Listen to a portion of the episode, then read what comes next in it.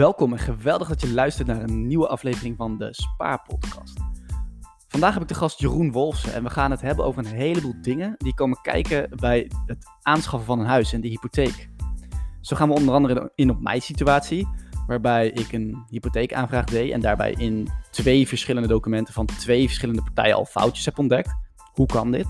En hoe werkt dat precies bij een hypotheekverstrekker die met 35 banken samen moet werken? Hoe bepalen zij welke bank nu precies goed is? En een heleboel andere dingen die bij komen kijken, zoals taxaties, een bouwdepot, de inbreng van eigen geld of een familielid uh, die geld geeft. Ja, tot slot gaan we dus diep in op die punten waar je op moet letten om eigenlijk de beste hypotheek te krijgen, in plaats van de laagste rente. En dat niet alleen, we gaan er ook op in wat je daaraan kunt doen als je al een hypotheek hebt afgesloten. Want dan kun je namelijk er best wel veel doen om lagere maandlasten te krijgen. En het grappige is, we zijn allemaal heel erg blij als we 10 euro besparen op onze zorgverzekering. Maar er zijn maar weinig mensen die dat trucje echt goed uitvoeren. Mijn naam is Robin Seets en ik publiceer minstens één keer per week een nieuwe podcast voor millennials die slim met hun persoonlijke financiën om willen gaan. Zodat je vooral zelf een lekker mooi leven kunt leiden zonder financiële zorgen en zonder dat je iedere dag met je financiën bezig hoeft te zijn. De ene week laat ik een expert aan het woord om bijvoorbeeld moeilijke onderwerpen simpel uit te leggen. En de andere week is er juist een millennial te gast die eerlijke en authentieke verhalen komt delen over zijn of haar persoonlijke financiën. Of het nu om besparen, beleggen, een huis kopen of je pensioen gaat. Het ultieme doel van de Spaarpodcast is om alles rondom je persoonlijke financiën toegankelijk te maken op een zo simpele, leuke en eerlijk mogelijke manier. Hi Jeroen, welkom terug in de podcast. We hebben elkaar een tijdje geleden natuurlijk gesproken over wat als je nu met pensioen gaat. Een onderwerp dat nog ontzettend ver weg is, maar dat jij ja, echt heel erg leuk wist uit te leggen. Je wist het gewoon heel erg boeiend te maken. En wat bleek, je bent ook nog eens ja, van vele andere markten thuis, onder andere in de hypotheekwereld. En ik ben natuurlijk bezig met mijn huis uh, kopen. Dus jij zei van, joh, leg dat uh, verhaal van je hypotheek eens aan je voor. En vandaag gaan we het daar samen over hebben. Dus uh, ontzettend bedankt dat je wederom in de podcast bent. Hoe is het met je? Ja, ja goed, goed, goed. Ik heb nog geen wattenstaafje gezien. Dus uh, volgens mij ben ik helemaal veilig. En zeker op de manier zoals we het nu doen met een echte originele podcast. Dat, de kans op besmetting is minimaal op dit moment volgens mij. Ja, precies. Lekker online. Nou, slechte is, ik heb laatst wel die wattenstaaf erin gekregen. Moest me laten testen. Gelukkig niks. Gelukkig niks. Dus uh, het gaat uh, wat dat betreft gelukkig nog steeds goed. Geen besmetting in ieder geval.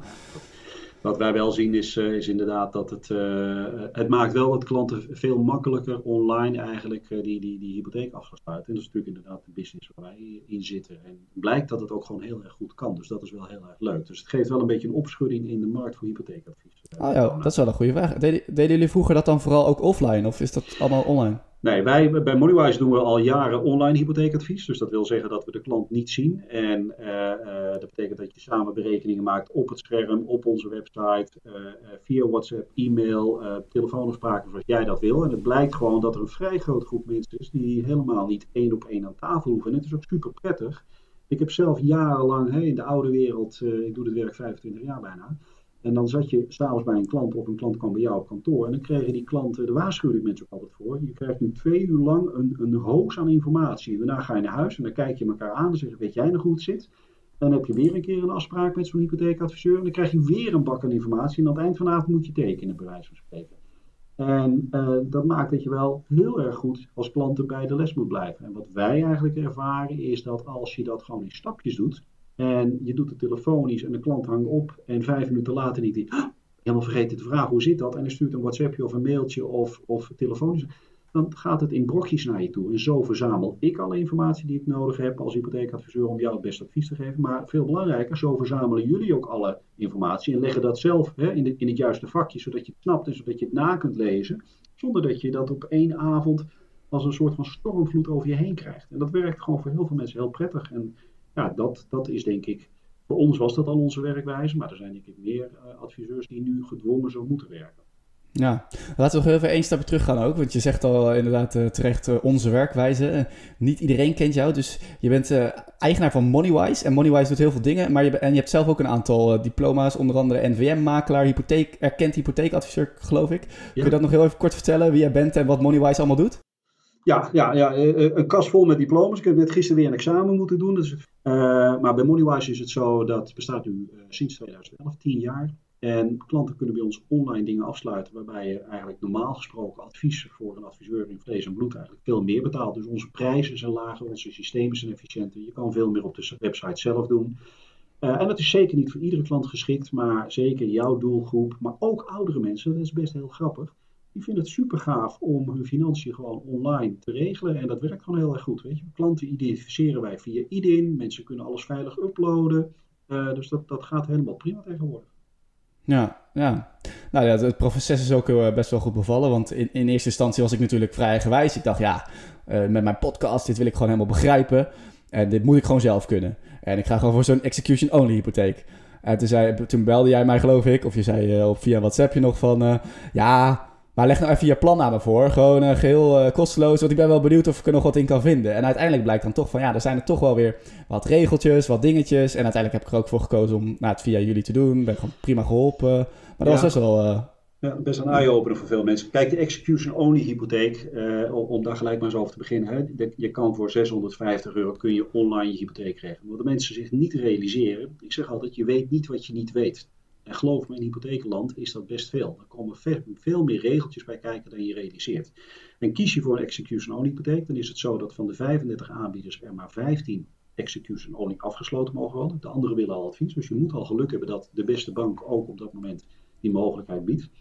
Uh, maar je mist vooral inderdaad die adviseur. En als die adviseur 1000 euro's extra kost, dan kan je daar serieus over nadenken. Maar in ons geval is het prijsverschil relatief klein. De prijs is ook nog eens een keertje aftrekbaar van de inkomstenbelasting. En dan zie je gewoon dat die adviseur toegevoegde waarde heeft.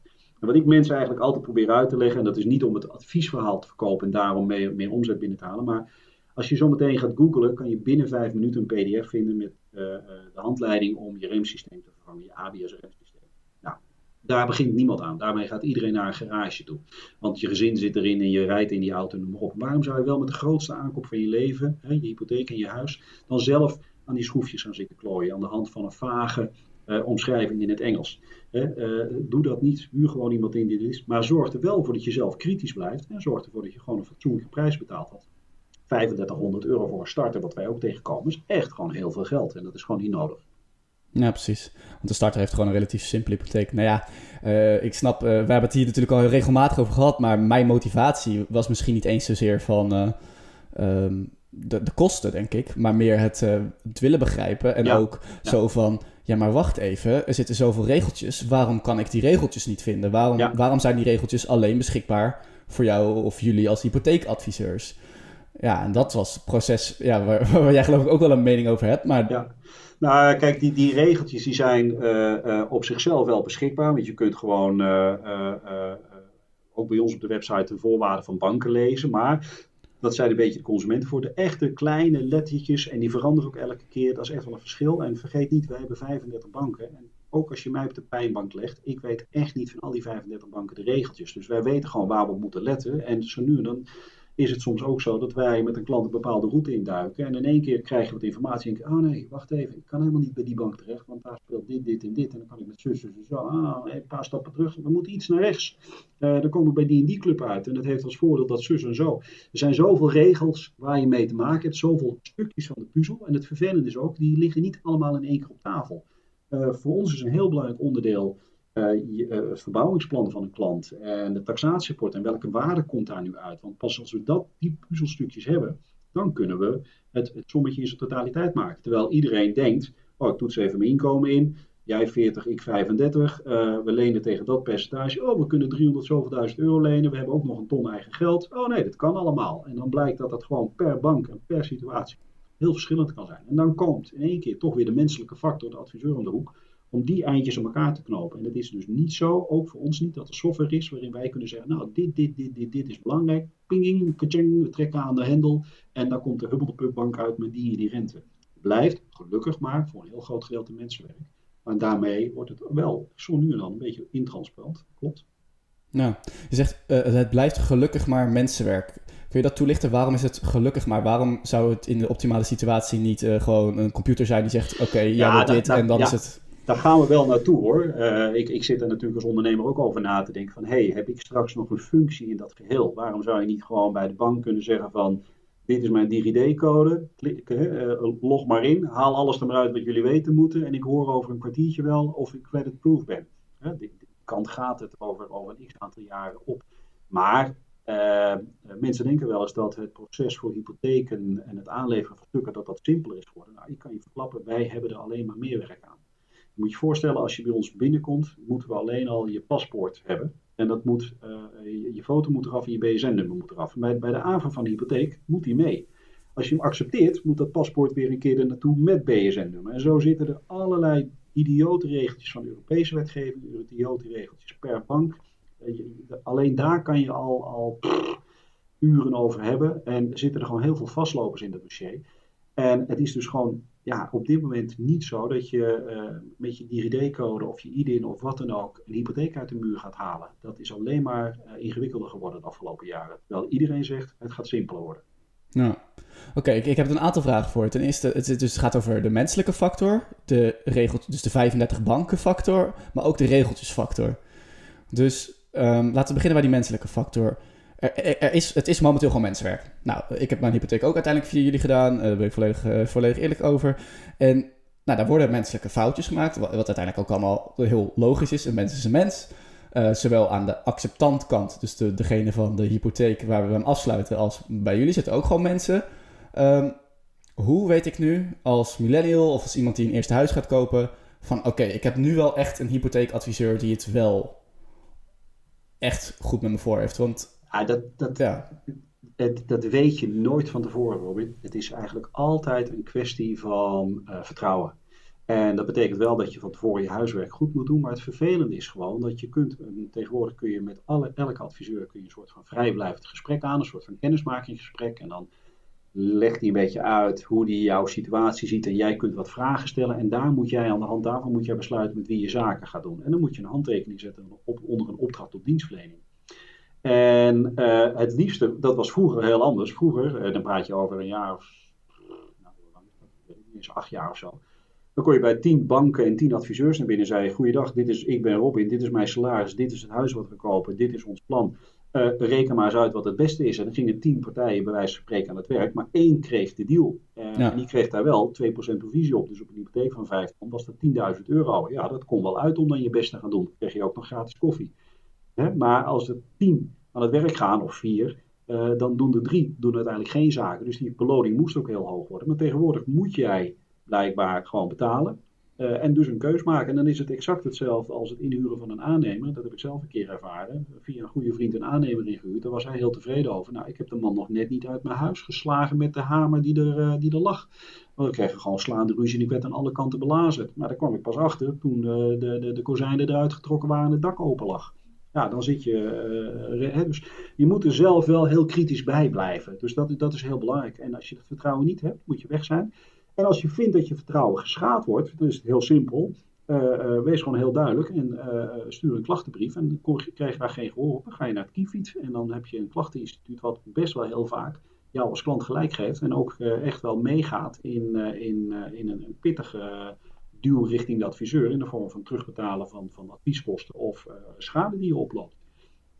Los daarvan ja, wat jij zegt, hè, waar mensen werken worden foutjes gemaakt. Uh, bij ons zag je bijvoorbeeld hè, dat als, als jullie een vraag stelden per mail, dat jij alleen de antwoord kreeg en je vriendin niet. Hè. Nou, dat soort dingen, dat, dat probeer je met z'n allen zo, zo efficiënt mogelijk te maken. Maar dat, dat zit erbij. Komen mailtjes niet aan omdat die in je spambox terechtkomt. Ja, weet je, je zit niet bij elkaar aan tafel. Dus er wordt, als je online gaat werken, moet je ook zelf gewoon bij de les blijven als klant. Heb ik alle informatie? Snap ik alles? Weet je wel?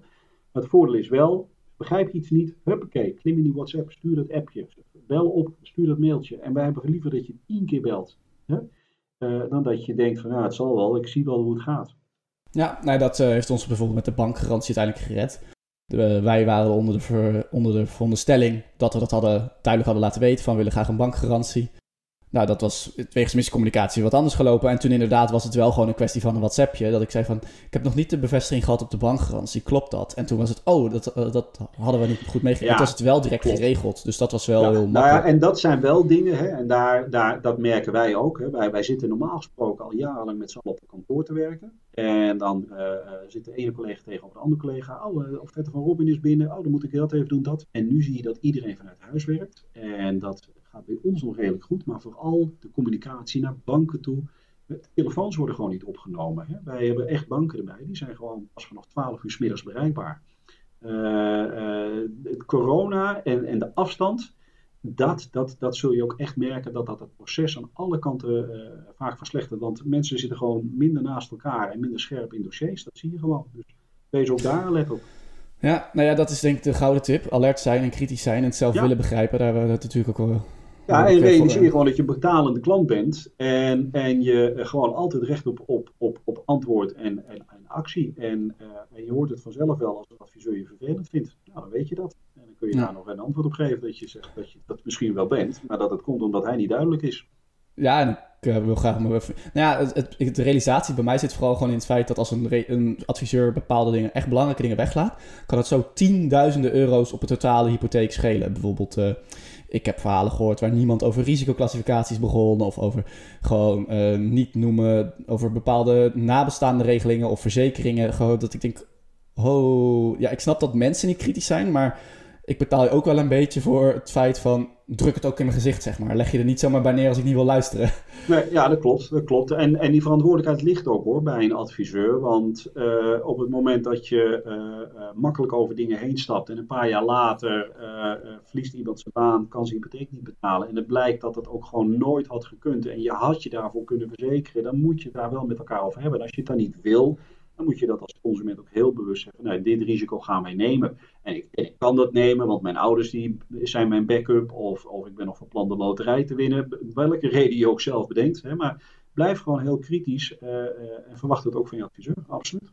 Ja, dat is duidelijk. En over die 35 partijen. Dat, want dat vond ik een van de meest interessante dingen van dit proces. Dus ik wil uh, een bepaalde bedrag lenen.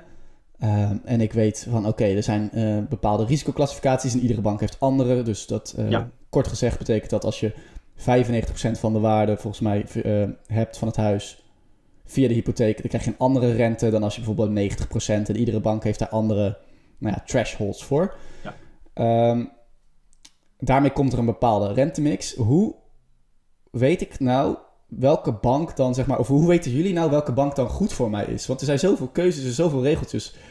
Hoe, hoe werkt dat? Ja, door heel veel met elkaar over dingen te praten. En een van de belangrijkste vragen is natuurlijk hoe lang zet je je rente vast? Hè? Uh, eh, 10 jaar, 20 jaar, 5 jaar, je, daar kun je al, al, al. En daar kan je ook geen advies over geven. Je kan alleen zeggen: Nou, wacht eens even, ik hoor jou zeggen dat je zekerheid zoekt en nu kies je voor 10 jaar vast. Terwijl de rente is extreem laag, zou je niet langer. Dan krijg je de discussie over, kan je dan de hypotheek meenemen of de rente meenemen als je naar een ander huis gaat? Zijn jullie plan naar een ander huis te gaan?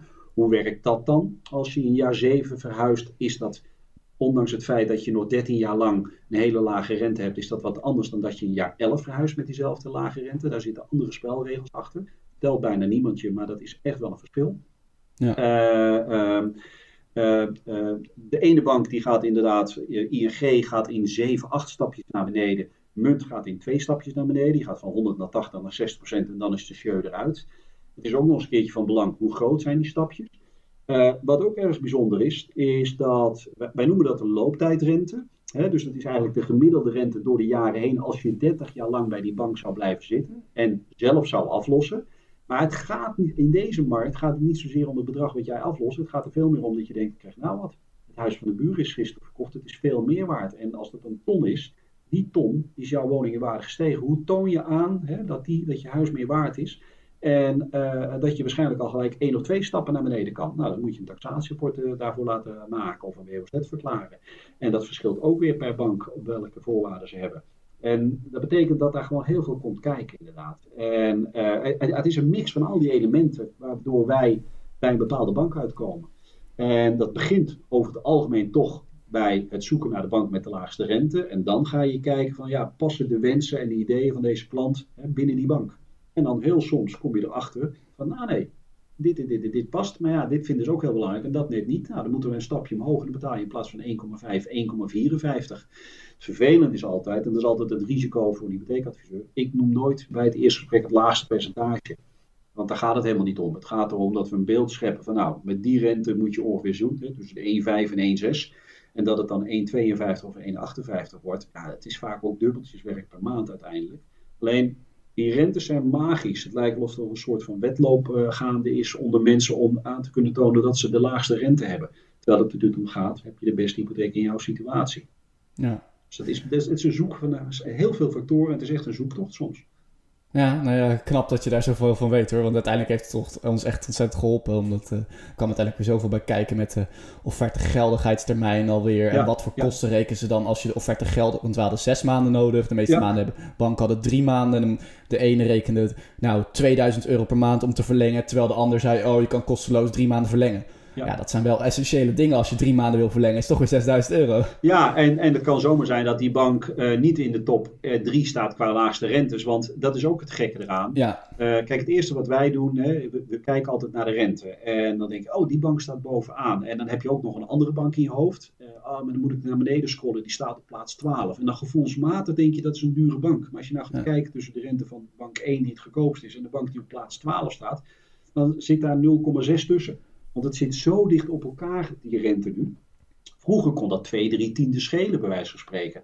Maar of je nou 1,5 betaalt of 1,52 of 1,54, ja, dat, zijn, dat, dat is 400ste op een lening van 300.000 euro. Dat is 120 euro per jaar, dat is 10 euro per maand. Maar als dat maakt dat je inderdaad niet 2000 euro bereidstellingsprovisie hoeft te betalen of 15.000 euro minder eigen geld mee hoeft te nemen, ja, dan, dan, dan betalen mensen graag een tientje extra. Dus er kunnen heel veel redenen zijn om, om ja, niet bij de goedkoopste bank uit te komen. Hoe gek dat ook klinkt, want dat zie ik altijd als mijn taak. Ik moet zorgen dat je de beste en de goedkoopste hypotheek hebt. Ja, dan zoek je naar die goedkoopste en dan moet je soms twee, drie stapjes omhoog in de rente.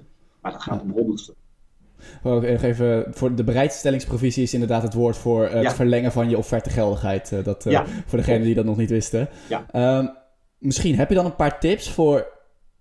Oké, ik ga zoeken naar een hypotheek, kijk naar lage rentes. Wat zijn dan een paar van die dingen, van misschien ook wel een paar minder bekende dingen? Let daar ook even op om tot die beste nou, hypotheek te komen. Ja, wat heel belangrijk is, is hè, tegenwoordig moet je gewoon fors overbieden. Je moet best wel veel eigen geld meenemen.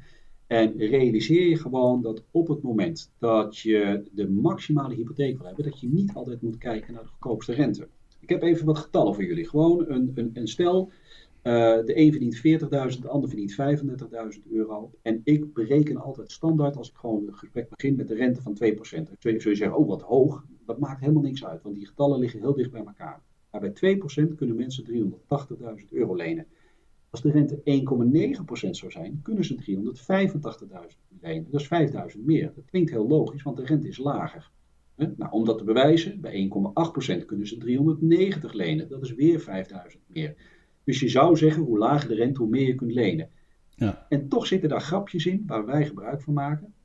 Want soms stel ik uh, uh, een lening uit 10, 15 en 20 jaar samen om op een bepaald percentage uit te komen. Want bij 2,01 kan dit stel geen 380.000 lenen, geen 385.000, ook geen 390, maar let op, 405.000 euro.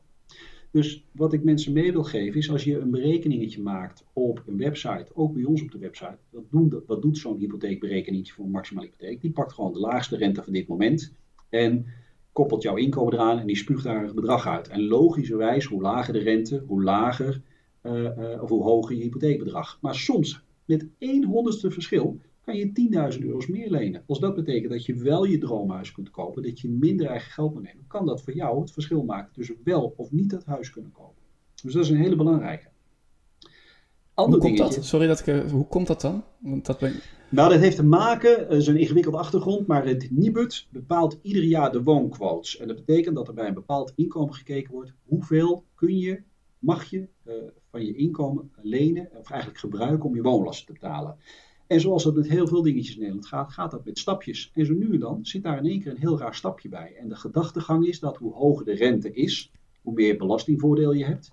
En dan valt je, je, je echte maandlast mee. Maar je snapt wel, dat sprongetje van 2% naar 2,01 is maar een heel klein sprongetje. En dan gaat echt niet 100 euro's meer renteverschil opleveren. Maar in één keer val je in een andere categorie. En wij leven in een land, dat als je in die categorie valt, dan mag het wel. En als je in die categorie valt, dan mag het niet. En de mensen die op die lijn zitten, ja, die hebben dan heel vaak net pech maar je kunt zelf besluiten door je rente ietsjes aan te passen, ietsjes duurdere bank te kiezen, om over die lijn heen te stappen. En dat is waar we je mee kunnen helpen door dat goed inzichtelijk te maken. Dus dat betekent, dus ga ervan uit voor de luisteraars, een berekening op een hypotheektoeltje voor de maximale hypotheek. Dat is niet de maximale hypotheek. Het bedrag is ook per bank verschillend, want banken hebben allemaal andere rentes.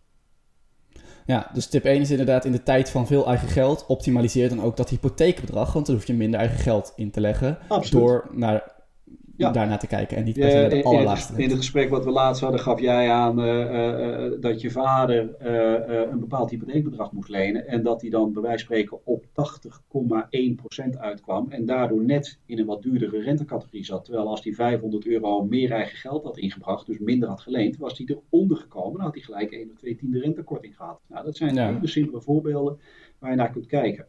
En een hypotheek afsluiten is ook niet dit moment. Het kan ook heel goed zijn dat je over twee jaar weer met elkaar zit en dat je zegt, moet je luisteren, de woningen in onze straat zijn zodanig gestegen, kunnen we nog eens eventjes kijken. Hè?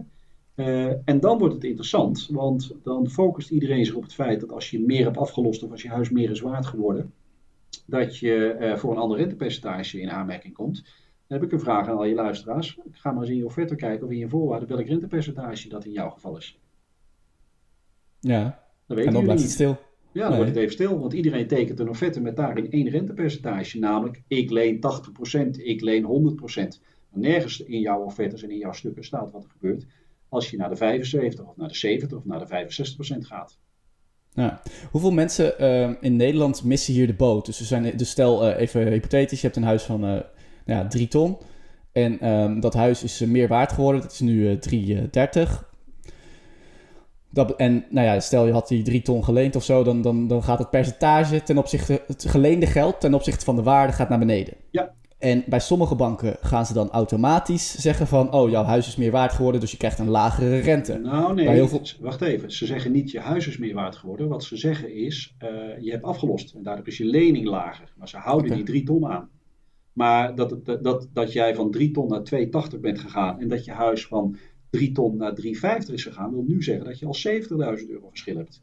En even heel snel, 70.000 op 3 ton, uh, dus, dat is een kleine 20% of zoiets. Dus dan ga je van een 100% lening naar een 80% lening. En dan kan zomaar 1 of 2 of 3 tiende rente schelen.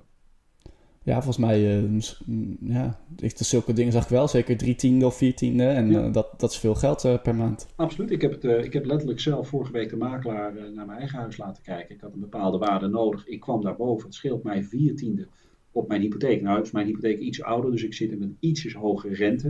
Als je de afgelopen twee jaar de hypotheek hebt afgesloten, zit je weer in die, in die rentes die heel dicht op elkaar zitten. En het verschil tussen 60% en 100% is dan niet zo heel groot. Maar bij de meeste banken nog steeds een uh, 6, 7 tiende in al die stapjes. Dus je kunt zeker besparen. Soms moet je daar een taxatierapport voor laten maken. Kost je 475 euro. Uh, maar als dat de moeite waard is, heb je het gewoon binnen, binnen 3, 4, 5 maanden terugverdiend. En daarna de rest van de looptijd.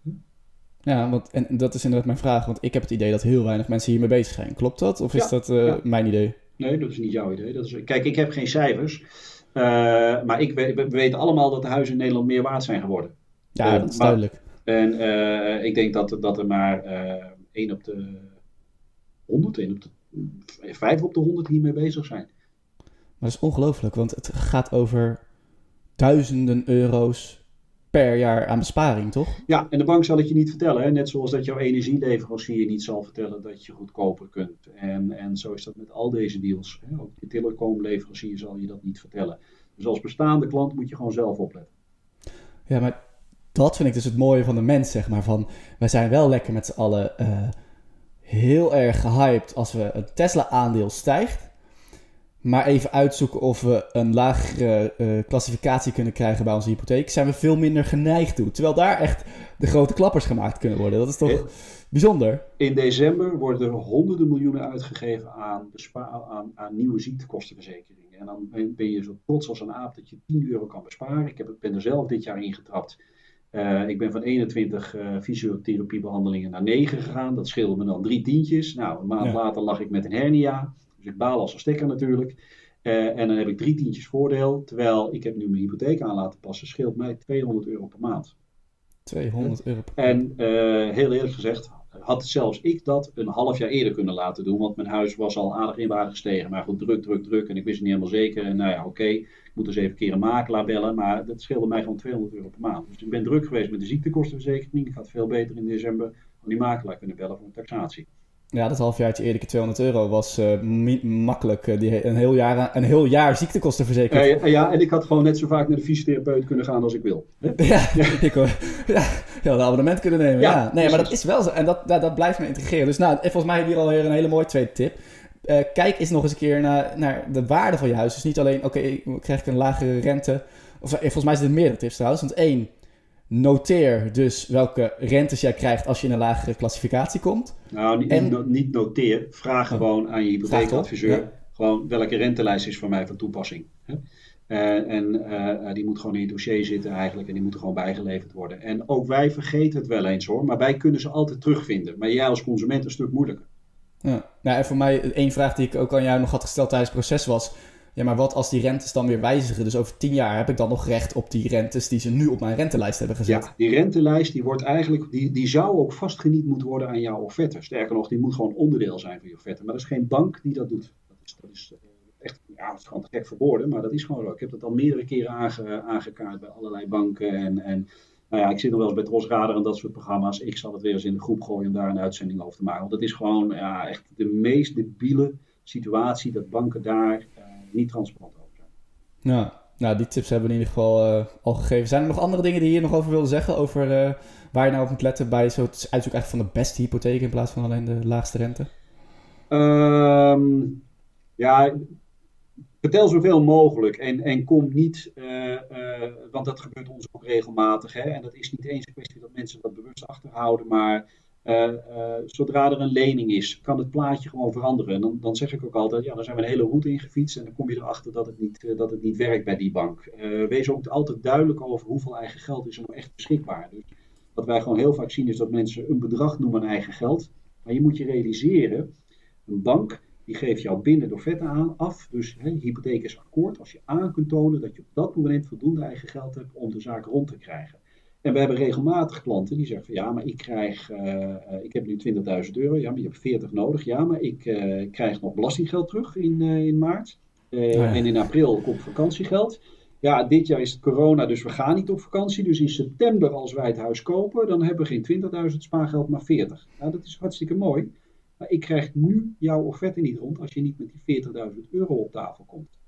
En als dat het geval is, dan gaat de koop gewoon niet door. En dan gaat de hypotheek gewoon niet door. Dus dan zul je of moeten snijden in je, in je verbouwingskosten als je gaat verbouwen. Of je zult uh, ergens anders geld vandaan moeten halen. Maar let op, en dat is ook wel een hele belangrijke. Tegenwoordig is het heel erg uh, in om dan maar geld te lenen bij je ouders. Maar een bank is gewoon heel simpel. Die zegt je kunt 380.000 euro lenen. En als jullie op je inkomen niet meer kunnen krijgen dan 280.000 euro. En je leent een ton bij vader dan zeggen wij als bank, ho ho, je kan 280 lenen. Als jullie een ton bij je ouders lenen, dan krijg je van mij als bank nog maar 180. Dus dat optelsommetje, dat werkt niet. Ja. Ja, dan moet het echt een schenking zijn. Dan moet het echt een schenking zijn. En dat is een heel ander verhaal. Als vader en moeder nog drie kinderen hebben, dan gaan ze over het algemeen niet één kind al heel erg bevoordelen als dat geld er niet is. dus uh, dat zijn echt dingen waar wij uh, heel, heel kritisch mee kijken. en waar banken heel kritisch in kijken. Uh, andere variant is dat je ziet dat banken enorm scherp kunnen zijn in kloppen de getalletjes die jij ons vertelt. Dus op het moment dat je zegt dat je 20.000 euro spaargeld hebt, ja, dan vraagt de bank wel, van ik wil soms over, we hebben banken die vragen gewoon zes maanden lang jouw bankrekening op. En als een maand geleden vader 20.000 euro eventjes aan je uitgeleend heeft, dan ga je gewoon nat. Hetzelfde zien we dat met studie, studiekosten hè, of studielening. Nee, we hebben geen studielening. Dat is prima, zegt de bank. Lever je, je, je bankafschriften maar in. Hé, hey, wat zie ik nu? Een duurafschrijving. Eh, houd het verhaal gewoon op. Oh, dat mensen dat nog achterhouden. Ja. ja, uit dommigheid of uit slimmigheid. Maar in de meeste gevallen is het dommigheid. Ook is het zo, als je een woning koopt eh, onder NRG en je verzwijgt die studieschuld, want hij staat niet bij het BKR, maar je verliest je baan en je wordt ziek en je huis moet verkocht worden en je hebt een restschuld, kun je gewoon fluiten naar je nationale hypotheekgarantie. Die wordt gewoon afge, afgeschoten. Dus dan heb je geen, geen verzekeringsdekking. Dan moet je gewoon zelf die restschuld betalen. dus dat zijn echt dingetjes waar mensen de mis mee ingaan. Ja. En, hebben we nog... Uh, oh, sorry, ja? Ja, kijk, en ik weet... Er zijn adviseurs bij, die gaan er heel creatief mee om. En die denken, nou, als de bank die niet om vraagt en die bank vraagt daar niet om, nou, dan doe ik dat. Maar dan ben je gewoon als adviseur ben je aan het frauderen. Als het misgaat, heb je een klant die zijn huis uit moet. Uh, dat, dat, dat is geen manier om het, uh, om het te doen. Oké. nou, heel wat tips om op te letten, denk ik, bij het uitzoeken van een, van een goede hypotheek. Want er zijn nog een aantal andere dingen die ik ook nog wilde. Volgens mij, we kunnen hier volgens mij nog twee uur over doorlullen. En dan hebben we ook nog een goede podcast. Maar er zijn, laten we ook nog een paar andere onderwerpen aanstippen. En één daarvan is het, ik ga verbouwen. Ja. En bouw, bouwdepot. Ja. Wat zijn nou de dingen die daar nou een beetje veel voorkomen, waar ik op moet letten in dat opzicht, als ik een bouwdepot neem? Nou, wat, het liefste uh, uh, heb ik geen bouwdepot. En waarom? als klant eigenlijk. Hè? Waarom? Omdat je dan volledig vrij bent in je plannen. Dus zeker als je een oud huis koopt en je weet niet precies hoe het gaat en je gaat zelf dingen doen en je hebt een handige kennis die ook nog wel eens wat wil doen, maar je moet hem wel wat betalen, dan kan dat heel slecht met een bouwdepot. Want een bank wil bij een bouwdepot dat je van tevoren een lijst aanlevert van de zaken die je gaat doen en wat dat kost. En dat moet ook meegenomen worden in je taxatierapport. Het voordeel daarvan is dat de waarde van je woning stijgt. Dus je gaat van 4 ton, ga je een ton verbouwen, dan zie je vaak dat je waarde 480 wordt. Je gaat zelden een ton erop vooruit. He, dus je moet altijd... is het uh, eh, 76% inderdaad. Ja, je moet altijd rekening houden zo'n 80 Hè? Uh, tenzij, ik zeg wel eens uh, gekscherend, als je voor 1000 euro een gat in je dak zaagt en je hebt een dak eraf van 55 vierkante meter, dan kan het wel een hele goede deal zijn. Maar over het algemeen ga je achteruit. Hè. Maar het is wel zo dat je dan een woning hebt van 480.000 en dat je in een bepaalde rentecategorie kan komen. Maar je kan het ook achteraf doen. Dus als je het geld hebt liggen, kun je ook zelf die verbouwing doen. En een jaar later een keer een taxatie aanvragen. Dan heb je een jaar lang speelruimte. Hoe wil je omgaan met je verbouwing? En dan kan je later ook een taxatie doen. Maar dan begin je op papier met een wat duurdere rente. Maar zoals we al zeiden, als je dat aan kunt tonen dat je woning waarde gestegen is, kun je ook die route aanvliegen. Nadeel van het taxatierapport is dat je een vrij duidelijk plan vooraf moet hebben. En banken kunnen daar heel streng in zijn. Dus als in één keer je keuken twee keer zo duur wordt en je badkamer één keer zo goedkoop, dan kan een bank daar moeilijk over doen. Want uiteindelijk klopt dat dan niet meer met het verbouwingsplan zoals jij tegen de taxateur hebt gezegd. En dus misschien ook niet met die eindwaarde. En een bank wil, een bank betaalt altijd de laatste dakpan, probeer ik uit te leggen. Dat betekent ook dat als je aangeeft dat je 50.000 leent voor de verbouwing en 50.000 euro zelf betaalt, dat je goed moet realiseren dat de eerste nota's die je gaat krijgen voor de verbouwing, dat je die zelf moet betalen. En pas vanaf 51.000 euro kun je de nota inleveren en die 1000 euro krijg je terug. Mensen denken heel vaak, ik ga eerst het bouwdepot gebruiken en daarna doe ik nog wat dingen van mijn eigen geld. Nee, eerst je eigen geld en de laatste dakpan, het laatste tegeltje in je badkamer, die wordt betaald uit je bouwdepot. En dat is echt wel een verschil in jouw financiële plaatje op dat moment. Absoluut, ja. Ja, bij ons was het toen nog even schrikken ook, want uh, wij dachten dat we eerst het hele bouwdepot moesten aanvullen. Dus uh, misschien inderdaad ja. om even voor te borduren op de bedragen die jij net zojuist gebruikte. Stel hypothetisch, uh, je hebt 50.000 bouwdepot en 50.000 eigen geld. Dat bank, die, sommige banken schijnen dan te zeggen, ja, die 50.000 die moet je eerst bijstorten in het bouwdepot, want je gaat voor een ton verbouwen. Ja. Um, en en nou, dat, dat werd toen tegen ons gezegd. Het ging net om andere bedragen dan, maar het principe blijft hetzelfde. Ja. En toen, uh, toen dachten wij van ja, maar wacht even, als we dat dan bij moeten storten in ons bouwdepot, hoe kunnen we dan nu alvast bepaalde dingen gaan kopen? Dus ja, dat is typisch zo'n dingetje. Ja, ja precies. Hè. Dan kan je niet een aanbetaling doen op een keuken en dat soort dingen. Dat is dus die, die chronologie die daar soms, hè, dat kip- en ei-verhaal is soms heel onlogisch. En uh, ik ben ook helemaal geen voorstander van de banken, die, en dat is gelukkig wel steeds minder hoor, maar uh, het, het, ligt ook nog eens een keertje aan je taxatiewaarde en wat daarin staat. En, het, komt heel erg nauw. Dus je, je komt niet weg met van nou, we denken dat we het even zo en zo gaan doen. Dat moet echt wel een redelijk vastomlijnd plan zijn. En daarom zeg ik vaak van nou ja, als je het zonder een bouwdepot kan, hè, dan, dan is dat zeker de moeite waard. Het nadeel daarvan is dat je het plaatje, in het begin is die wat negatiever, want je neemt die waardestijging niet mee, zeg maar. Maar dan kun je altijd één of twee jaar later nog eens een keertje een hertaxatie doen als het huis af is. En dan trek je die rente ook wel weer recht. Zo zijn er gewoon verschillende manieren naar Rome. Ja, nou, ik, uh, vooral ook voor die hertaxaties ook en over taxateren in het algemeen. Ik denk dat ik daar met jou ook een hele podcast uh, over kan maken, want er is ook weer zoveel gebeurd. En dat ik denk, ja, maar nee, klopt gewoon niet. Maar ik denk dat ik die voor nu gewoon even laat zitten. Want wat, ik had nog een hele andere vraag die denk ik wat meer in deze aflevering past. En dat is um, het aflosvrije deel. Ja. En heel veel mensen die dan uh, dat wel of niet doen. Ja. Kun je misschien kort toelichten wat daar de voor- en nadelen van zijn om zo'n aflosvrij deel ja. mee te pakken? Ja, de, de, de, spelregel sinds 2013 is dat je gewoon uh, uh, een hypotheek uh, kunt sluiten. Hè? En als je 100%, stel dat je een huis koopt voor 4 ton en je leent ook 4 ton, dan zou je 400.000 euro moeten aflossen. Annuitair of lineair. Als je dat niet doet, is de rente niet aftrekbaar. Maar dat betekent wel, en dat is een leuke tip, dat geef ik vast iedereen mee. Als je ooit eens door een straat loopt en je wil een huis kopen en je denkt, wat zou dat kosten? Elke uh, 10.000 euro die je leent aan annuïteit kost je 35 euro per maand. Dus een huis van de ton of een hypotheek van de ton kost je 350 euro. En die bestaat voor 20 euro uit aflossing en 15 euro aan rente. Dus je snapt wel dat als je zegt van hé, hey, we kopen een huis van 4 ton. Ja, en een ton kies je aflossingsvrij, dan scheelt je dat gewoon echt serieus in je maandlast. En voor veel mensen die op dit moment in de top van de markt iets moeten kopen, is dat natuurlijk heel leuk om te kunnen zeggen, nou ja, weet je, dan betaal ik alleen rente. Eh, en geen aflossing, dan is mijn maandlast lager. Maar zegt dat de Belastingdienst, dat is leuk, over die ton die jij in box 3 aflossingsvrij hebt, heb je geen renteaftrek. Nou, ja. dat is helemaal niet zo erg, want de rente is op dit moment anderhalf procent voor 20 jaar vast. Dus dat gaat nergens over. Sterker nog, hè, uh, ik heb een artikel geschreven over de, de, de, plannen van het kabinet en wat gaan ze doen met de renteaftrek. Nou, kan je voorspellen, ze zijn nu nog even druk met andere problemen, maar uh, binnen een paar jaar is die renteaftrek er gewoon af. Maar als je nu een hypotheek sluit tegen anderhalf procent, nou, dan, dan, maakt dat, hè, dus dan moet je je voorstellen, 100.000 euro in box 3, aflossingsvrij, dat is 1500 euro rente. Daar had je dan 30, 35 procent van terug kunnen krijgen, dat is 450 euro. Dat is vier tientjes per maand, maar het scheelt je 200 euro aan aflossing. Ja. En dat doen we met z'n allen heel ingewikkeld, dat we vinden dat je je huis af moet lossen. En dat is ook wel leuk. Als ik 65 ben, zou ik het heel fijn vinden als ik geen woonlasting meer had. Maar waarom zouden wij als kopers ons nu in onze jonge jaren, jullie nog in de jonge jaren, ik ben iets ouder inmiddels, maar waarom zou je drie keer in de ronde moeten werken om je huis af te lossen als koper? Terwijl als je huurder bent, zit je straks gewoon met een huur van 1500 euro. En dat zou ja. wel moeten kunnen.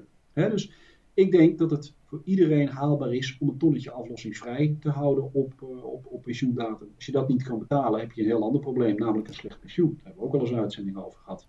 ja, ja, dus als ik het goed begrijp, het gaat gewoon om financiële planning. Je bent jong, dan kan je door een, door een aflosvrij deel te nemen, oftewel een deel van je hypotheekwaarde mag tot tegenwoordig maximaal 50% mag je uh, zonder aflossing. Dus, oftewel bank, je, je maanden. Van de ja, bank.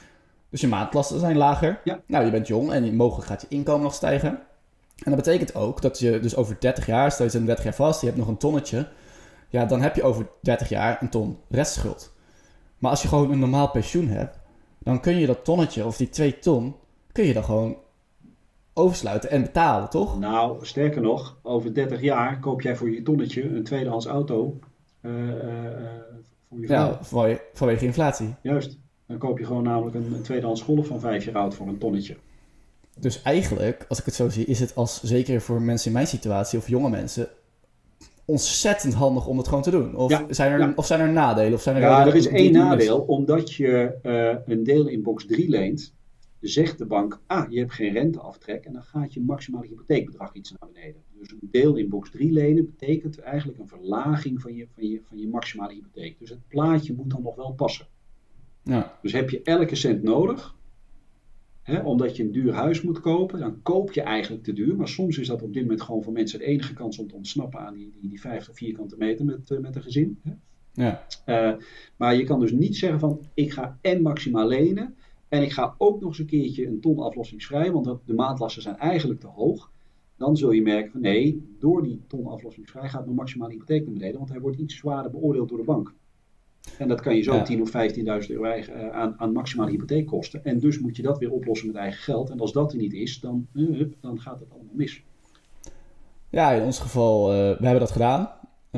Voor nou best ook wel een flink deel. Niet die 50%, maar volgens mij wel 35 of 40%. En ehm, niet met de reden, omdat we de maandlasten anders niet kunnen betalen, maar wel met de reden, zodat we dat geld dat we extra overhouden, bijvoorbeeld weer in andere dingen kunnen steken. Nou zeg, eh, al is het maar een wereldreis. We zijn nu nog jong. Ja. En die wereldreis die willen we nu graag nog een keer maken. Nou, dan kan je dit jaar kan je ook, want dat is natuurlijk het leuke. Je, je mag gewoon ieder jaar boetevrij aflossen. En dit jaar kan jij die wereldreis gewoon op je buik schuiven. Dus dit jaar kun je alweer 15.000 euro aflossen. Bijvoorbeeld. en, ja, en daarnaast inderdaad merk ik ook gewoon een hele grote... Op, of nee, misschien, soort- misschien ik zet wel... Er, er, er ligt zo'n nadruk in gesprekken op mensen die, als je gesprekken voert met vrienden, op ja, maar alles aflossen en heel erg van, ook vanuit de, ik denk wel van een beetje vanuit de financieel onafhankelijk gedachte. Als ik dan geen eh, lasten meer heb op mijn hypotheek. En dan zeg ik, ja, dat is leuk, maar eh, bedenk je bijvoorbeeld wel eh, aan de, aan de meeneemregelen van, meeneemregeling van overwaarde. Als Ja. jij heel je huis hebt afgelost en je wilt dan later goedkoop gaan wonen, dan moet je weer boeterente gaan betalen over je, over je overwaarde. Uh, nou, je verliest je belastingaftrek. Hoe meer winst oh, je, hebt, hoe meer, je, hoe meer je aflost, hoe meer winst je hebt. En hoe meer winst je eigenlijk weer wordt geacht in het huis in te brengen. Dus dan verlies je weer je belastingaftrek bij je volgende woning. Linksom of rechtsom, wat je ook doet, het gaat erom dat je het bewust doet. En ik heb er geen enkel probleem mee als een jong stel zegt: laat maar zitten die paar tientjes aan belastingvoordeel. Wij kiezen voor een ton aflossingsvrij. Mijn ouders hebben een huis wat de overwaarde heeft, daar komt nog eens een keer geld uit. Wij kunnen jaarlijks extra aflossen als we plotseling toch die behoefte krijgen. En wat er ook gebeurt, als wij straks nog een ton of anderhalf ton hypotheek hebben tegen een rente van, van, van 2, 3 procent, wie doet me wat? Ja, dat is de, inflatie goedkoper dan huren, zoals jij zegt. Ja, natuurlijk. En ik hoor nooit iemand over huurders. Ja. Terwijl de huur gaan alleen maar omhoog met 3, 4, 5 procent. Dat, dat is nog meer dan de inflatie, bij wijze van spreken. Ja. En, uh, uh, en je hypotheek wordt minder waard. Dus die, die twee die lopen precies de andere kant op. Het probleem voor huurders wordt alleen maar groter. En, en het probleem voor mensen met een stukje aflossingsvrij wordt eigenlijk alleen maar kleiner. En je inkomen stijgt. En je gaat nog een keer de loterij winnen. En je ouders overlijden met een dikke erfenis. Wie doet ja. dat? Ja, nee, nee, ja, niks. Oké, nou ja, uh, helder denk ik. ik uh, dus het enige nadeel is in principe dat je wat minder kan lenen, maar er zitten verder heel veel voordelen aan. Dus eigenlijk is de tip van onderzoek in ieder geval die optie. Ja, krijgt er een gevoel bij. Ja, nou ja, oké. Ehm, nou, ik, we zijn alweer heel lang bezig, maar er was nog wel, ik had nog een paar dingetjes. We gaan gewoon nog heel even door als je het niet erg vindt.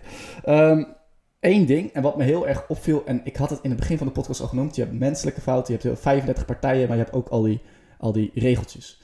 Nou, en één ding dat me opviel was, in dit proces, en dat zat helemaal niet bij jullie, heb ik al in twee documenten van andere partijen foutjes weten te ontdekken. Ja.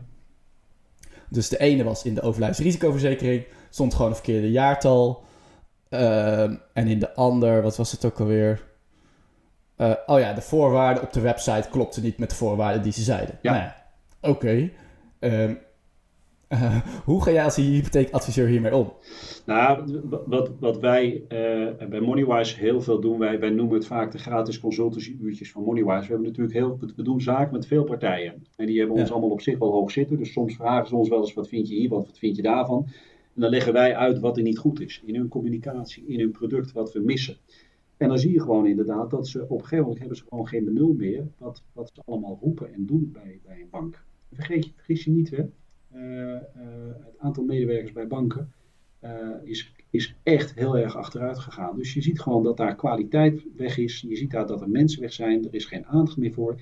IT is een bottleneck. Dus ze hebben gewoon dingen niet in de gaten. Ze, ze, ze weten gewoon niet meer wat er bij hunzelf in de voorraadkast ligt. En welke, welke uh, producten de deur uitgaan. En hoe die producten bedoeld zijn. En wat voor achtergronden er zijn. En hoe dat werkt. En uh, dat dat bijgepast moet worden. Dus je, je, ja, dat, dat, dat, dat zien we helaas best wel. Dat informatie ook niet klopt. Hè? Als wij een acceptant bellen en zeggen, ik zit met de klant en ik zit in die en die situatie. Dan hoor je op maandag dat het wel kan, op dinsdag kan het weer niet. op woensdag zegt Pietje dat Klaasje het niet goed heeft. Uh, en, en, op donderdag heb ik een ontevreden klant, omdat ik vertel dat, dat het wel kon. Uh, en dan heb ik echt mijn huiswerk goed gedaan. Dan heb ik bewijs. Ik, we, hebben situaties waarin wij soms uh, in, in de mail om een bevestiging vragen dat iets mogelijk is. En dan krijgen we dat. En dan wordt gewoon die keutel keihard ingetrokken. Dan kan je heel boos worden.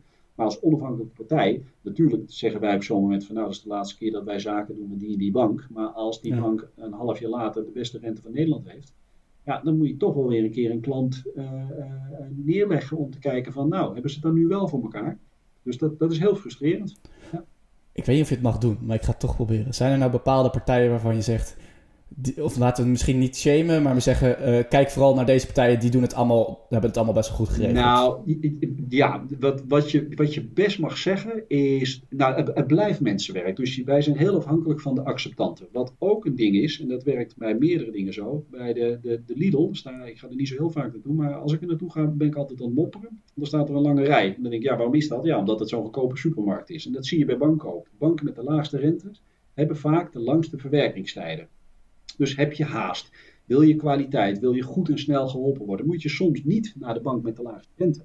En we zien ook dat banken soms, als ze te druk zijn, hun rente omhoog gooien. Want ja, dan is het klaar. Dan, is, dan staan ze even niet meer in de top 5. Uh, eh, en wat ik ermee wil zeggen is dat we zien dat het stuivertje vaak verwisselt. Dus dan zijn we ontevreden over die partij. Dan zijn we een tijdje aan het moppen over die partij.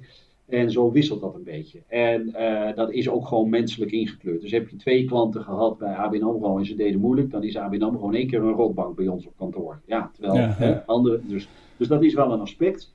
In zijn algemeenheid vind ik dat het wel goed gaat. En zeker de nieuwe spelers, als, uh, de, dat noemen ze de regiepartijen. Dus dat zijn niet de ING en de SNS en de Rabobank, maar Vista, onderdeel van de Rabobank, of Munt die hebben best wel goede voorwaarden, redelijk goede processen, weinig legacy uit het verleden, weinig ellende uit het verleden.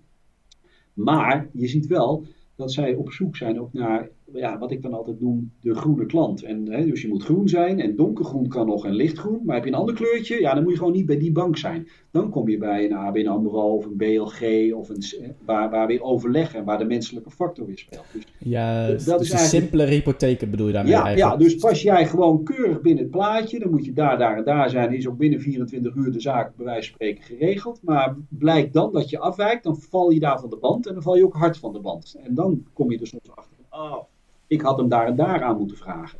En wat consumenten niet weten is, wij vragen in principe maar bij één bank een offerte aan.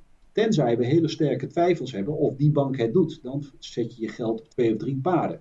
Maar als ik als hypotheekadviseur altijd drie of vier banken een offerte aanvraag en alle stukken aanlever en wacht op een akkoord en dan tegen die vier banken zeg van ja, sorry, maar jij bent het geworden, jullie drie hebben pech. Nou, dan kan ik je vertellen, dan word ik een week later niet meer geholpen als ik een keer een vraag stel. Want ze kijken gewoon naar onze scoringsratio. Ze zeggen, joh, we hebben 100 offertes uitgebracht en er drie doorgegaan. Nu stel je een lastige vraag of heb je een klant die extra aandacht nodig heeft. Je staat achteraan in de rij.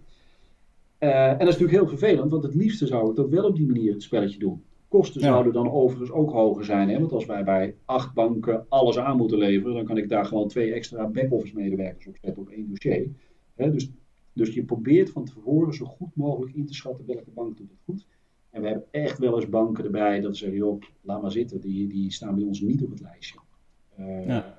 ja. en namen, dat moet je eerlijk zeggen, de, de, de, de, collega's die zitten er echt dagelijks in. En die doen de aanvragen en die zijn dan aan het mopperen op die partij. En een maand later is dat weer niks. Oké, nou ja, ik, uh, een paar opvallende dingen. Dus uh, hoe, dat het gewoon mogelijk is dat een bank aan het renteinstrument draait om bijvoorbeeld de drukte op te vangen. Ja. Uh, hoe, hoe is dat mogelijk in 2021? Dat zou toch verboden moeten zijn? Dat kan toch niet? Zeg van, oké, nou joh, we hebben druk, zetten we de rente even omhoog. Ja, en dus alle mensen die dan toevallig net dan afsluiten, of stel dat ze dat net doen in de week dat ik uh, um, de renteaanvraag doe en heel het proces heb doorlopen, nou, dan zitten er weer een paar procentjes. Of nee, want als, als zij maandag de rente verhogen en, en, en zondagavond uh, 1 minuut voor 12 dienen wij min, dan krijg jij nog de oude rente. Ah, okay. En ik weet drie, vier dagen van tevoren welke bank omhoog gaat. Maar het is niet de eerste keer dat, dat wij een klant uh, een dossier aannemen, dat we het gesprek hebben, dat we voor, nou ja, 80, 90 procent eruit zijn van nou, door die bank of die bank. En dan krijg je de volgende dag een melding van de rentes gaan omhoog. En dan zeggen wij op zo'n moment wel van nou, weet je, we zijn er nog niet uit. Dan gaan we wel voor twee of drie banken nog vet aanvragen. Dan, dan moeten we maar eventjes uh, een paar banken voor niks aan het werk zetten. Want we weten nog niet welke bank het gaat worden. Want ik zit nog op de taxatie te wachten. Of het inkomen is nog niet helemaal duidelijk. Of meneer is ZZP'er en dat is nog niet helemaal bekend hoe dat inkomen eruit ziet. En dan moet je, als de rente omhoog gaat, dan vragen we soms toch maar bij verschillende banken offertes aan om die rente vast te klikken. En dan gaan we hebben nog een maand de tijd om spullen aan te leveren. En dan zien we wel welk het wordt. Oké. Nou, er zijn dus ontzettend, ik denk dat ook heel veel regeltjes natuurlijk komen vanuit de wetgeving weer en dat soort dingen. Um, ja. Bij banken misschien en bij ook waar jullie aan moeten houden? Ja, het is wetgeving, het is logica, het is ervaring en uh, het is ook willekeur. En, en daar, daar moeten wij tussen laveren soms als adviseurs. Ja, nou jullie zijn al een klein beetje een disruptor natuurlijk. Jullie hebben ook veel vergelijkers en in ieder geval, jullie doen je best om, om die markt transparanter te maken. Ja. Um, hoe zou nou de ideale markt erover, dus stel dat we niet te maken zouden hebben met uh, al die dingen die we nu besproken hebben. Ja, die, uh, ja. Hoe zou de ideale markt eruit zien? Dus ik kom bij jou of bij iemand en ik wil een hypotheek. Hoe gaat dat? Ja, kijk, de ideale markt klinkt natuurlijk als je zou zeggen van nou weet je, jij logt in met uh, DigiD op mijn overheid. Je geeft vier banken de gelegenheid om jouw informatie te downloaden en binnen 24 uur heb jij een voorstel. Ja. daar zou ik best voor zijn. Ik zou als adviseur dan nog door jou ingeschakeld kunnen worden om, om even mee te kijken, zeg maar, van goh, hè, wat, wat is nou de beste partij en waar moet ik op letten en noem maar op. Hè, dus dan heb ik ook nog bestaansrecht. Uh, ja. Dus dat zou prima zijn. Alleen ga je dan wel heel erg in die hoek zitten van, ja, alle groene klanten komen er doorheen, maar al die andere kleurtjes waar een klein beetje een afwijking aan zit, en geloof me, dat is nog steeds een heel groot gedeelte van de mensen, ehm, eh, daar wordt het ingewikkelder. Maar zolang, kijk, voor een starter valt het nog mee, maar zodra je doorstromen wordt, en we moeten het ook gaan hebben over uh, uh, alle fiscale spelregels die daar gaan gelden, nou, kan ik je beloven, uh, dan is een hypotheekadviseur het minste wat je nodig hebt, want dat is zo complex. Ik ben zelf keihard voorstander van om die hele fiscaliteit er maar uit te gooien. Want ik weet het op een gegeven moment ook niet meer. Als jullie kopen nu samen een huis, maar als, als, als je besluit uit elkaar te gaan en je gaat daarna uh, vijf jaar later met een andere partner die ook een, relatie en een eigen woning verleden heeft, ga je verder. Nou, dan wil je niet weten hoe, complex de fiscale regels om jouw hypotheek eruit zien. En ook de complexe regels ten aanzien van acceptatie bij banken op dat vlak. Dat is echt over de top ingewikkeld. Dat is niet leuk meer. Dus, hoe, is dat, hoe is dat mogelijk? Hoe, wat kunnen we daaraan doen? Ja, wat je daaraan kan doen, uh, op dit moment niet zo heel veel als consument. En ik als hypotheekadviseur ook niet. Het enige wat ik eraan kan doen is dat ik jaarlijks uh, heel veel studies en, uh, en examens moet doen om die kennis bij te houden. En dan zijn er nog steeds, ik kan je verklappen, uh, wij zitten regelmatig met financieel plannen. Dat is ongeveer het laatste diploma wat je kan hebben als adviseur. En dan, vroeger zat je in een klasje met 20 adviseurs. En dan uh, de docent die, die die dag een training gaf, die, die, die liet een case zien van Kees en Anja met dat, dat inkomen, dit en dit woningverleden. Wat is de, op dit moment de maximale hypotheekrenteaftrek waar Kees recht op heeft? Er zitten daar 20 man, dan komen er 15 antwoorden uit. En één antwoord is goed en de rest zit er gewoon van die kant naast. Dat komt gewoon omdat zo ontzettend complex. Belastingdienst weet het zelf ook niet meer overigens. Hè? Dat wordt kennelijk gewoon dat wordt toegegeven. Maar ik ga ervan uit dat over een aantal jaar die renteaftrek er wel afgaat. Maar we zullen allerlei vlakken nog allerlei overgangsregels moeten hebben. Dus dat is gewoon echt heel complex. Dus die renteaftrek eraf halen is wel één stap richting de fiscaliteit uh, minder Absoluut. complex maken ja, eigenlijk ook. Ja, ja. Dus maar in dat kijk, is het, ja, het dat, is dat, echt- kan, dat kan nu voor een grote groep mensen die anderhalf procent betaalt. Maar er is ook nog een groep mensen in Nederland die een hypotheek van 5 ton heeft met een rente van 5 procent. Die betalen 25.000 euro rente. En als die nog 40 procent terugkrijgt, is dat 10.000 euro. Ja, je kan moeilijk Ja. tegen die mensen zeggen, nou, we hebben met z'n allen in Nederland besloten dat jullie dan die 10.000 euro niet meer krijgen. Succes. Dan, dan komen die mensen ook in dit probleem. Dus daar moeten ook weer allerlei verbandjes en noodverbandjes aangelegd worden. We hebben een heel leuk land, eh, eh, maar we hebben veel te veel regels in dit leuke land. En eh, dat, dat merk je op het moment dat je een hypotheek af gaat sluiten, kom je daar wel achter. Is er een land waar ze dit wel dan veel simpeler doen of makkelijker? Ja, ik, in, in, in Scandinavië zijn ze met een aantal dingen wel ver, geloof ik. Eh, en, en je ziet ook in, in Engeland en in Amerika dat er heel erg gewerkt wordt met credit scores. Hè, en dan wordt het makkelijker om een hypotheek te krijgen. Maar ja, nogmaals, val je daar van de plank, dan val je ook echt van de plank. Hè? Eh, het is niet voor niks dat Ja. in Amerika stuur je gewoon je, je sleutel op eh, en dan is je huis weg. Hè?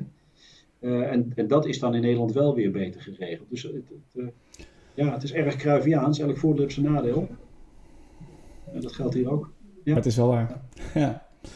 Oké, nou ik zie dat we mm, bijna een uur bezig zijn. Dus zij, eh, ik, ik heb, eh, over- we hebben het over aflosvrij, aflosvrij deel gehad, dat het vaak een goed idee kan zijn. We hebben het over de menselijke factor gehad, over de regeltjes, over de risicoclassificaties en ook vooral over, nou vraag nou zelf eens een keer of kijk nou zelf eens een keer als je die taxatie aanvraagt, eh, wat het doet met je, met je rente. Sla ook die rentes ergens op of weet op wat voor rente je recht hebt. Ehm, zijn er nog slotopmerkingen waarvan je zegt: voor deze podcast wil ik dit nog even meegeven. Als jij nu een huis hebt of een eerste huis wil gaan kopen. Ja. Wel, zeker als je nu een huis wil gaan kopen, zorg dat je eh, met een loaded gun loopt, zoals ik dat zo mooi noem. En dat betekent, op dit moment is het ontzettend moeilijk om een huis te kopen. Eh, weet dus wat je maximaal kunt lenen, weet wat je maximaal kunt besteden. En vertrouw dus niet alleen maar op een keer een berekeningetje te maken op een website, maar schakel gewoon een adviseur in. Ook als je nog geen huis gekocht hebt, eh, zal je altijd een, een gesprek krijgen. En dan loop je gewoon naar buiten en dan weet je gewoon van oké, 450.000 euro is ons streefbedrag, maar komen een huis tegen wat 460 of 470 kost.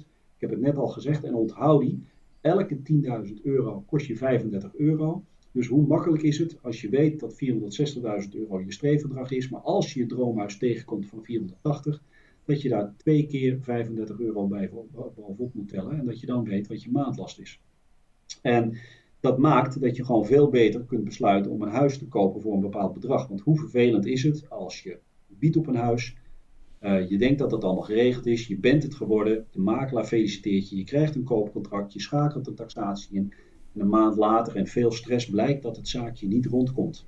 Om welke reden dan ook. Of te, eigen, te weinig eigen geld, of te weinig inkomen, of een te, te lage taxatie, waardoor je niet het bedrag, gewenste bedrag kunt lenen op basis van de waarde van de woning. Doe gewoon je huiswerk nu zo goed mogelijk, zodat je gewoon gericht kunt schieten als je langs een huis rijdt. Want het is uh, op dit moment 9 uur gaat hij in de verkoop en een kwart over 9 uh, moet je je bod hebben uitgebracht, bij wijze van spreken. En dat kan alleen als je gewoon ja, daar je toe bent. Ja, vandaar de loadgun. Oké, okay. nou, een hele mooie slottip. En uh, nou ja, dit is, uh, niet, dit is helemaal niet gesponsord of zo. Maar stel mensen denken, oké, okay, Jeroen was echt heel erg... Uh, die had heel veel kennis hiervan. Ik, ik geloof het allemaal wel. Hoe kunnen mensen zich door jullie laten helpen? Kunnen ze, waar kunnen ze aanvragen vinden? En dan vind je alles wat je vindt. En anders google je op Jeroen Wolfs en dan schrik je hem een keer van de foto. En dan moet je doorklikken en dan kom je ook wel op onze site. Oké, nou ja, ik, uh, zoals gezegd, uh, ik, ik ben er altijd heel erg uh, transparant over, ook of ik betaald krijg voor verschillende dingen. Ik ben gewoon heel erg blij met hoe jullie mij geholpen hebben en het feit dat je uit jezelf zei van, joh, kun je, leg eens voor wat je met je hypotheek gaat doen. Nou, dat waardeerde ik gewoon heel erg. En ik was heel erg onder de indruk van onze vorige podcast ook. Dus ik ben mooi dat we dit zo, zo hebben kunnen doen. En, en dankjewel voor je tijd en... Ik ga denk ik nog eens een keer een lijstje maken met alle onderwerpen die ik nog weer verder uit wil diepen. Want uh, er is veel mogelijk om het over te hebben. Ja, over te vertellen, absoluut. Ja, oké. Okay. Nou, ontzettend bedankt. En fijne dag nog. Dankjewel.